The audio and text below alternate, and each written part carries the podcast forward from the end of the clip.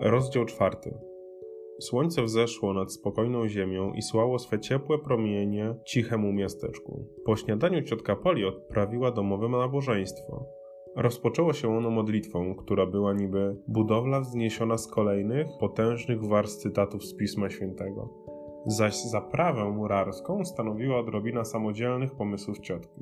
Ze szczytu tej budowli, niczym z góry Synaj, ciotka rzuciła groźny rozdział z pięcioksięgu Mojżesza. Następnie Tomek przepasał swe lędźwie, mówiąc językiem cytatów, i zaczął wkuwać wersety z Biblii. Sid nauczył się tego już kilka dni wcześniej. Tomek skupił wszystkie siły, by wyuczyć się na pamięć pięciu wersetów. Wybrał je z kazania na górze, bo w całej Biblii nie mógł znaleźć krótszych. Po upływie pół godziny miał już mgliste pojęcie o ich treści.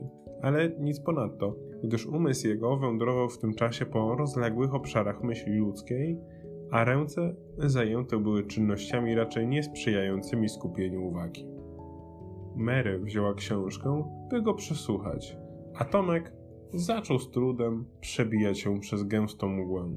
E, błogosławieńsni e, e, ubodzy, tak ubodzy, błogosławieni, ubodzy mm, duchem, duchem, błogosławieni ubodzy duchem, albowiem, e, albowiem oni ich, albowiem ich mm, błogosławieni, ubody duchem, albowiem ich królestwo niebieskie, mm, błogosławieni, którzy cierpią, albowiem, albowiem, e, albowiem oni, e, oni będą, albowiem oni będą, nie wiem jak dalej, będą, Aha, będą.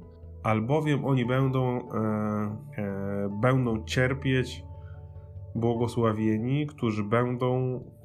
Oni będą cierpieć, albowiem będą. Ale co będą? Podpowiadasz, Mary. Jesteś niedobra. Ej, guptasie, nie mam zamiaru ci dokuczać, ale musisz się jeszcze trochę pouczyć. Tylko śmiało, głowa do góry, jestem pewna, że ci się uda. A wtedy podaruję ci coś pięknego. Na pewno będzie Ci się podobało. No a teraz do roboty. No dobrze, ale co to takiego? Powiedz Mary. Cierpliwości, wszystko w swoim czasie, ale jest to coś naprawdę wspaniałego. Dajesz słowo, Mary? W porządku, wkuwam od nowa. I rzeczywiście zaczął kuć. A podwójnym naciskiem ciekawości i spodziewanej nagrody czynił to z takim zapałem, że osiągnął wspaniały sukces. Mary podarowała mu wówczas nowiutki scyzoryk marki Berlow, w wartości 12,5 centa, a radość, jakiej Tomek doznał, wstrząsnęła podstawami jego jestestwa. Co prawda, ostrzem nic nie można było kroić, ale był to przecież oryginalny Berlow, a to oznaczało coś wspaniałego. Jeżeli chłopcy z zachodu twierdzili czasem, że wśród wyrobów marki Berlow znajduje się dużo podróbek, to mówili tylko po to, żeby zniesławić taki scyzoryk i pozostanie to oszczerstwem na zawsze. Tomek od razu zdążył naciąć nim szafę i już zabierał się do biurka, kiedy zawołano go, aby przygotował się do pójścia do kościoła. Mary nalała wody do blaszanej miednicy i dała mu kawałek mydła. Tomek wyszedł przed dom i postawił miednicę na małej ławce. Następnie zanurzył mydło w wodzie i odłożył je na bok. Potem podkasał rękawy, wylał po cichutku wodę na ziemię, wrócił do kuchni i zaczął starannie wycierać twarz ręczniczkiem. Ale Mary odebrała mu ręcznik. Jak ci nie wstyd, Tomku, powiedziała. Taki brudas. Przecież woda cię nie ugryzie. Tomek zawstydził się nieco. Mary znowu nalała wody do miednicy. Stał nad nią jakiś czas, zbierając się na odwagę. Wreszcie westnął ciężko i zaczął się myć naprawdę. Kiedy wrócił do kuchni z zamkniętymi oczyma po omacku, szukał ręcznika, woda i mydliny ściekające mu z twarzy dawały chlubne świadectwo jego odwadze. Lecz kiedy wynurzył się z ręcznika, nie wyglądał jeszcze zadowalająco, bo miejsce wolne od brudu urywało się nagle tuż przy brodzie koło uszy, tworząc rodzaj maski. Poza tą linią, od czoła aż po szyję, rozciągały się olbrzymie przestrzenie czarnej, niedowodnionej gleby. Mary wzięła go zatem sama w obroty, a gdy skończyła, Tomek wyglądał jak człowiek i chrześcijanin o jednolitym kolorze skóry. Mokre włosy Tomka starannie uczesano szczotką, a krótkie kędziorki ułożono symetrycznie i wytwornie. Gdy nikt nie widział, Tomek usiłował z wielkim trudem, lecz znikomym rezultatem, wyprostować się i przylepić do głowy. Loki te były w ogóle jego ciężkim zmartwieniem, gdyż uważał je za coś stanowczo niemęskiego. Potem Mary wyjęła z szafy ubranie, które Tomek od dwóch lat mógł nosić tylko w niedzielę. Nazywało się ono po prostu drugim ubraniem, co pozwala określić stopień zamożności jego garderoby. Gdy się ubrał, Mary doprowadziła do porządku jego toaletę. Zapięła mu bluzę, odciągnęła i wygładziła na plecach wielki kołnierz marynarski, oczyściła Tomka szczotką z wszelkich pyłków i włożyła mu na głowę słomkowy kapelusz w kropki. Wyglądał teraz bardzo cywilizowanie, ale czuł się nieszczególnie. Zawsze, gdy był umyty i porządnie ubrany, dostawał gęsiej skórki. Miał nadzieję, że Mary zapomni przynajmniej o bucikach, ale gdzie tam? I to zawiodło. Przyniosła je, wysmarowawszy poprzednio jak zwykle łojem. Tomek stracił cierpliwość i oświadczył, że ciągle zmusza się go do robienia tego, czego nie lubi. Mary musiała przemówić mu do sumienia. Ależ Tomku, czy tak postępuje grzeczny chłopiec? Mrucząc coś pod nosem, włożył buciki. Mary ubrała się szybko i cała trójka udała się do kościoła, miejsca którego Tomek nie cierpiał z całej duszy. Co innego Mary i Sid. Dla nich była to sama rozkosz. Szkółka niedzielna trwała od dziewiątej do wpół do jedenastej. Dalej następowało nabożeństwo. Dwoje z tej trójki zostawało potem z własnej woli na kazaniu. Trzeci też zostawał, ale z innych ważniejszych powodów. Twarde ławki kościelne z wysokim oparciem mogły pomieścić około 300 osób. Budynek był mały i skromny. Wznosiło się nad nim coś jakby pudło zbite z sosnowych desek, wyobrażające dzwonnicę. Przy drzwiach Tomek dzwonił kroku i zaczepił kolegę, również odświętnie ubranego. Słuchaj, Bill, masz żółtą kurtkę? Tak. Co chcesz za nią? A co dasz? Cukierek i haczyk do wędki. Pokaż. Tomek pokazał, towar był dobry i chłopcy dobili targu. Potem Tomek zamienił dwie szklane kulki na trzy czerwone kartki i inne drobiazgi za dwie niebieskie. Czatował na chłopców wchodzących do kościoła i przez kwadrans skupował w ten sposób kartki w różnych kolorach. Wreszcie wkroczył do kościoła z gromadą schludnie wyglądających, ale wrzaskliwych chłopców i dziewcząt. Usiadł w ławce i od razu zaczął awanturę z pierwszym chłopcem, który nawinął mu się pod ręką. Nauczyciel, poważny pan w starszym wieku, musiał ich uspokoić, ale zaledwie się odwrócił, Tomek pociągnął za włosy chłopca siedzącego przed nim. Chłopiec obejrzał się, lecz Tomek siedział już niewinnie zatopiony w swojej książce. Potem, chcąc usłyszeć głośne au, ukuł innego chłopca szpilką i dostał drugie upomnienie od nauczyciela. W ogóle cała klasa Tomka była wzorowa. Hałaśliwa, oporna i nieznośna. Gdy przyszło do wygłaszania wersetów z Biblii, żaden nie umiał ich dokładnie i wszystkim trzeba było podpowiadać. Wreszcie każdy jakoś wyjąkał swoje i dostał w nagrodę małą niebieską karteczkę z cytatem z Pisma Świętego. Była to zapłata za wyrecytowanie dwóch wersetów. Dziesięć niebieskich kartek stanowiło równowartość jednej czerwonej i mogło być na nią wymienione. 10 czerwonych równało się jednej żółtej, a za 10 żółtych dostawało się od dyrektora skromnie oprawioną Biblię, która w owych dawnych, dobrych czasach kosztowała 14 centów. Ilu z moich czytelników zdobyłoby się na tyle pilności poświęcenia, żeby wyuczyć się na pamięć dwóch tysięcy wierszy, gdyby nawet mieli za to dostać Biblię z ilustracjami Dorego? A jednak Mary zdobyła tą drogą dwie Biblie. Owoc wytrwałej pracy dwóch lat, a pewien chłopak z niemieckiej rodziny zagarnął ich aż cztery czy pięć. Raz wyrecytował on jednym tchem, bez zająknięcia, trzy tysiące wersetów, ale niestety mózg jego nie wytrzymał takiego obciążenia i od tego dnia prawie zupełnie zidiociał. Ciężki to był cios dla niedzielnej szkółki, bo dyrektor bardzo lubił popisywać się tym chłopcem wobec ważnych gości. Taka była przynajmniej opinia Tomka. Tylko ustatkowani chłopcy zdobywali się na przechowywanie karteczek i wytrwale wbijali sobie w głowę wersety tak długo, póki nie zasłużyli na Biblię. Nic więc dziwnego, że wręczenie takiej nagrody było rzadkim i pamiętnym wydarzeniem. Zwycięzca stawał się bohaterem dnia i wówczas w sercach wszystkich chłopców zapalał się święty ogień ambicji, który nieraz zgasł dopiero po kilku tygodniach. Jest rzeczą prawie pewną, że Tomek nigdy nie pragnął samej nagrody, ale nie ulega wątpliwości, że jego serce rwało się do sławy i blasku nagrodzonego szczęśliwca.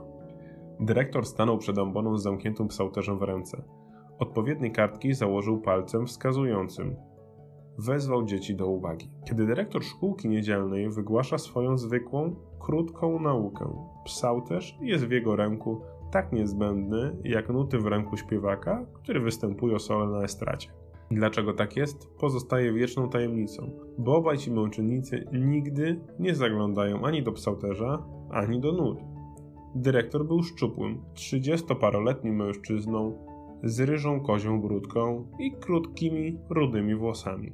Nosił sztywny, stojący kołnierzyk, którego brzeg sięgał mu aż do uszu, a ostre, wygięte końce niemal wbijały się w kącik ust. Był to rodzaj parkanu, który zawsze zmuszał do patrzenia tylko prosto przed siebie i do obracania się całym ciałem, gdy chciał spojrzeć w bok. Brodę podpierał rozłożysty krawat, dorównujący swoją wielkością średnich rozmiarów serwecie, z frędzlami na końcu. Noski jego butów były, według ówczesnej mody, wygięte w górę, na kształt nart. Młodzi eleganci, aby dojść do takich wyników, z samozaparciem całymi godzinami przyciskali końce butów do ścian. Pan Walters był człowiekiem dobrodusznym i szczerym, choć zawsze miał niezwykle poważną minę. Do spraw i miejsc świętych odnosił się z takim szacunkiem i tak dalece oddzielał je od życia powszedniego, że w niedzielę, mimo woli, głos jego przybierał zupełnie odświętną intonację. Zaczął w te słowa. A teraz, moje dzieci, usiądźcie sobie prościutko i grzecznie i posłuchajcie mnie spokojnie przez chwilę. Tak, doskonale. Tak powinni zawsze zachowywać się grzeczni chłopcy i grzeczne dziewczynki. Ale tam jedna dziewczynka wygląda przez okno. Pewnie jej się wydaje, że widzi mnie gdzieś za oknem. Siedzę sobie na drzewie i wygłaszam kazanie dla ptaszków. Pełen uznania śmiech dzieci. Chcę wam powiedzieć, że bardzo się cieszę, widząc tyle czystych i niewinnych twarzyczek, które zabrały się w tym świętym miejscu, aby uczyć się i czynić dobrze i żyć cnotliwie. I tak dalej, i tak dalej. Nie trzeba tu powtarzać dalszego ciągu kazania. Było bowiem w stylu, który nigdy się nie zmienia. Znamy go więc bardzo dobrze. Ostatnia część przemówienia została zakłócona przez kilku niegrzecznych chłopców, którzy wznowili przeciwko innym kroki nieprzyjacielskie oraz przez ogólne szepty i wiercenie się publiczności. Atmosferze rozprężenia uległy nawet takie niewzruszone skały jak Sid i Mary, ale gdy głos pana Waltersa zaczął tracić na sile, ucichły nagle wszelkie szmery i koniec kazania został przyjęty z niemą wdzięcznością. Znaczną część szeptów wywołało dość niezwykłe zdarzenie. Weszli goście. Adwokat Thatcher pojawił się w towarzystwie jakiegoś mizernego staruszka oraz przystojnego i postawnego mężczyzny w średnim wieku, o włosach lekko przypruszonych siwizną, a także okazałej matrony, która była niewątpliwie żoną tego ostatniego. Dama ta prowadziła za rękę dziewczynkę. Tomek aż do tej chwili był niespokojny. Dręczyła go rozterka wewnętrzna i gryzły wyrzuty sumienia. Nie mógł spojrzeć w oczy Emily Lawrence, nie mógł znieść jej rozkochanych spojrzeń. Ale gdy zobaczył nowo przybyłą dziewczynkę, dusza jego od razu zapłonęła szczęściem. Natychmiast zaczął swoje popisy. Poszturchiwał chłopców, targał ich za włosy, wykrzywiał się. Jednym słowem, używał wszystkich sposobów, które wydały mu się odpowiedni, by oczarować jasnowłosą boginkę i zdobyć jej uznanie. Jedno tylko ziarenko goryczy zatruwało mu radość. Wspomnienie haniebnego poniżenia w ogrodzie swojego anioła. Ale fale szczęścia szybko zmyły to ziarenko. Gości posadzono na honorowych miejscach, a pan Walters zaraz po zakończeniu przemówienia przedstawił ich dzieciom. Mężczyzna w średnim wieku okazał się niezwykłą osobistością. Był ni mniej ni więcej tylko sędzią okręgowym, a więc najdostojniejszą istotą, jaką dzieci oglądały w swoim życiu. Zastanawiały się, jaki on jest. Były ciekawe, czy potrafi ryczeć strasznym głosem, to znów bały się, że naprawdę zacznie ryczeć. Przybył z nowego Konstynantopola, oddalonego o 12 km od miasteczka. Wiele więc podróżował i znał świat. Oczy jego widziały budynek sądu okręgowego, o którym chodziły słuchy, że ma dach kryty blachą. Podziw i szacunek, jakie budziły te myśli, znalazły wyraz w milczeniu i spojrzeniach wlepionych w sędziego. A więc to był wielki sędzia Thatcher, brat miejscowego adwokata.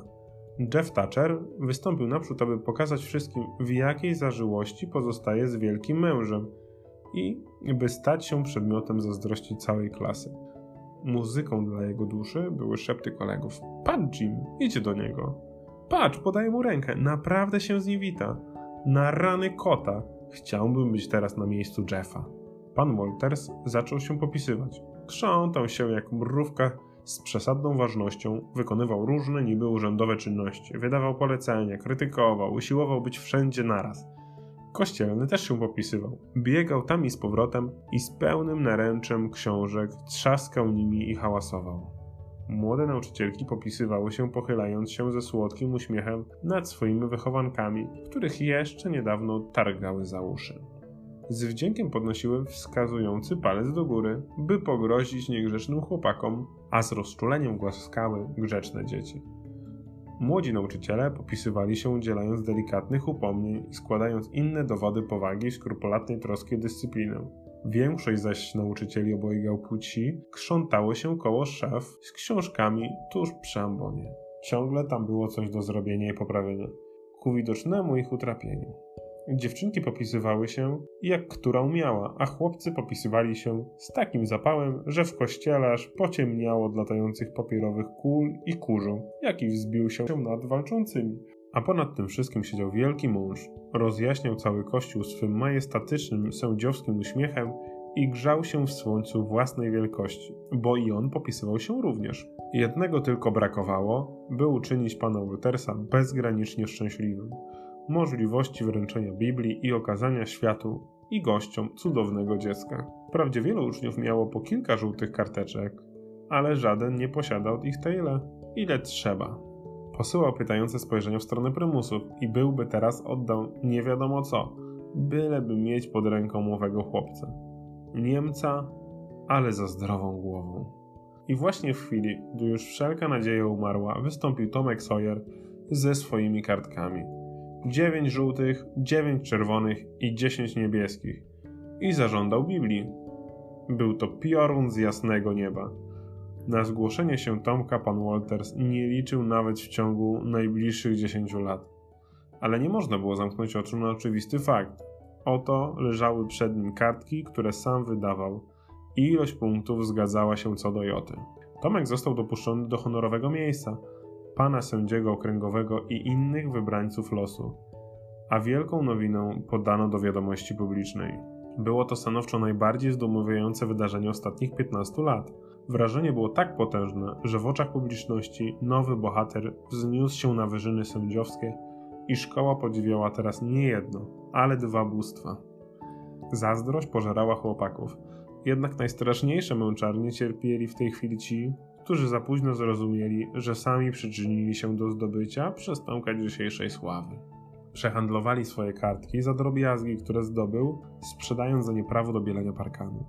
Czuli pogardę dla samych siebie, widząc jak padli ofiarą tego podstępnego oszusta i chytrego węża. Wręczenie nagrody Tomkowi odbyło się z taką wylewną czułością, na jaką tylko dyrektor mógł się w takich warunkach zdobyć. Serdecznością brakowało jednak właściwej siły, bo instynkt mówił dyrektorowi, że w tym wszystkim tkwi jakaś mroczna tajemnica. Było coś wprost przeciwnego zdrowemu rozsądkowi, by ten właśnie chłopiec mógł nagromadzić w swym spichrzu duchowym dwa tysiące ziaren biblijnej mądrości, bo już tuzin zaledwie byłby niewątpliwie nadwyrężył jego rozum. Emily Lorenz była dumna i szczęśliwa. Chciała to dać Tomkowi do zrozumienia już samym wyrazem twarzy – ale on na nią nie patrzył. Najpierw lekko się zdziwiła, potem zaniepokoiła. W końcu przyszło mu liste podejrzenie. Zniknęło i znowu powróciło. Zaczęła pilnie obserwować Tomka.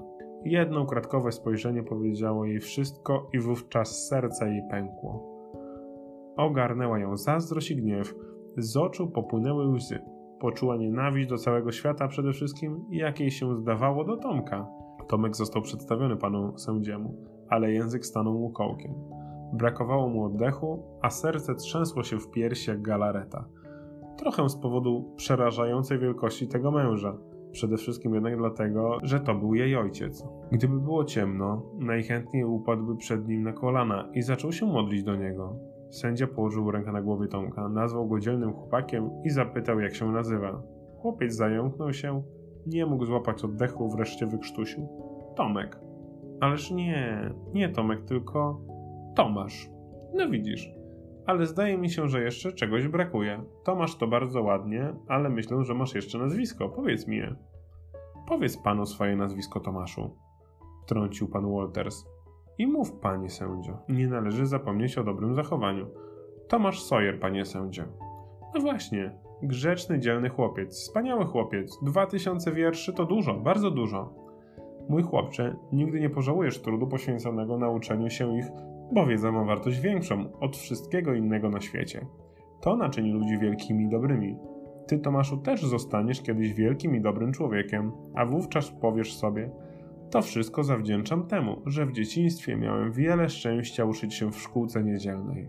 To wszystko zawdzięczam moim wspaniałym nauczycielom, którzy nauczyli mnie pracować. To wszystko zawdzięczam drugiemu panu dyrektorowi, który dodawał mi otuchy, czuwał nade mną i dał mi tę piękną Biblię, aby mi towarzyszyła przez całe życie. To wszystko zawdzięczam dobremu wychowaniu. Tak będziesz kiedyś mówił Tomaszu i za żadne skarby nie będziesz chciał oddać tych dwóch tysięcy wierszy. A może teraz powiesz mi, i tej pani coś z tych pięknych rzeczy, których się nauczyłeś, prawda? Bo my jesteśmy dumni z chłopców, którzy się dobrze uczą. Na pewno znasz imiona dwunastu apostołów. Może wymienisz nam tych dwóch, którzy najpierw zostali wybrani. Tomek kręcił guziku bluzy i patrzył baranim wzrokiem. Panu Waltersowi zrobiło się słabo. Mówił sobie, że to jest przecież niemożliwe, by ten chłopiec mógł opowiedzieć choćby na najprostsze pytanie. Że też sędziemu musiała teraz przyjść ochota na przepytywanie z Biblii. Czuł się jednak w obowiązku coś powiedzieć. Odpowiedz panu sędziemu Tomaszu, powiedział. Nie bój się. Tomek milczał uparcie. Ale mnie na pewno powiesz, odezwała się pani. Pierwszymi apostołami byli, no. Dawid i Goliat. Spuśćmy zasłonę miłosierdzia na koniec tej sceny.